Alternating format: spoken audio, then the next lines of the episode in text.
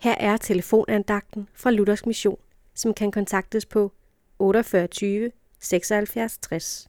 Andagtholderen i dag er Teddy Sjælland. I dag vil jeg sige lidt om, hvad det er Guds vilje med mennesker, og dermed også med dig og mig. Jeg læser fra 1. Timotius brev, kapitel 2, vers 4 og det følgende.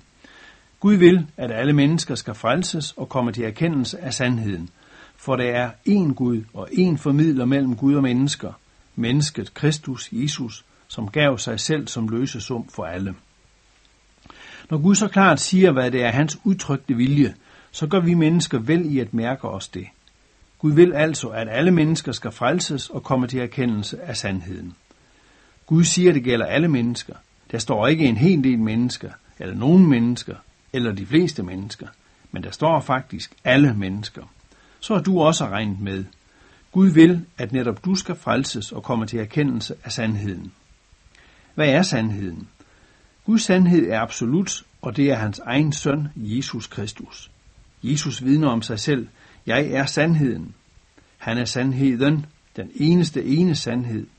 Det betyder, at komme til erkendelse af sandheden er at komme til erkendelse af, hvem Jesus er. At han er Guds frelser og redning for dig.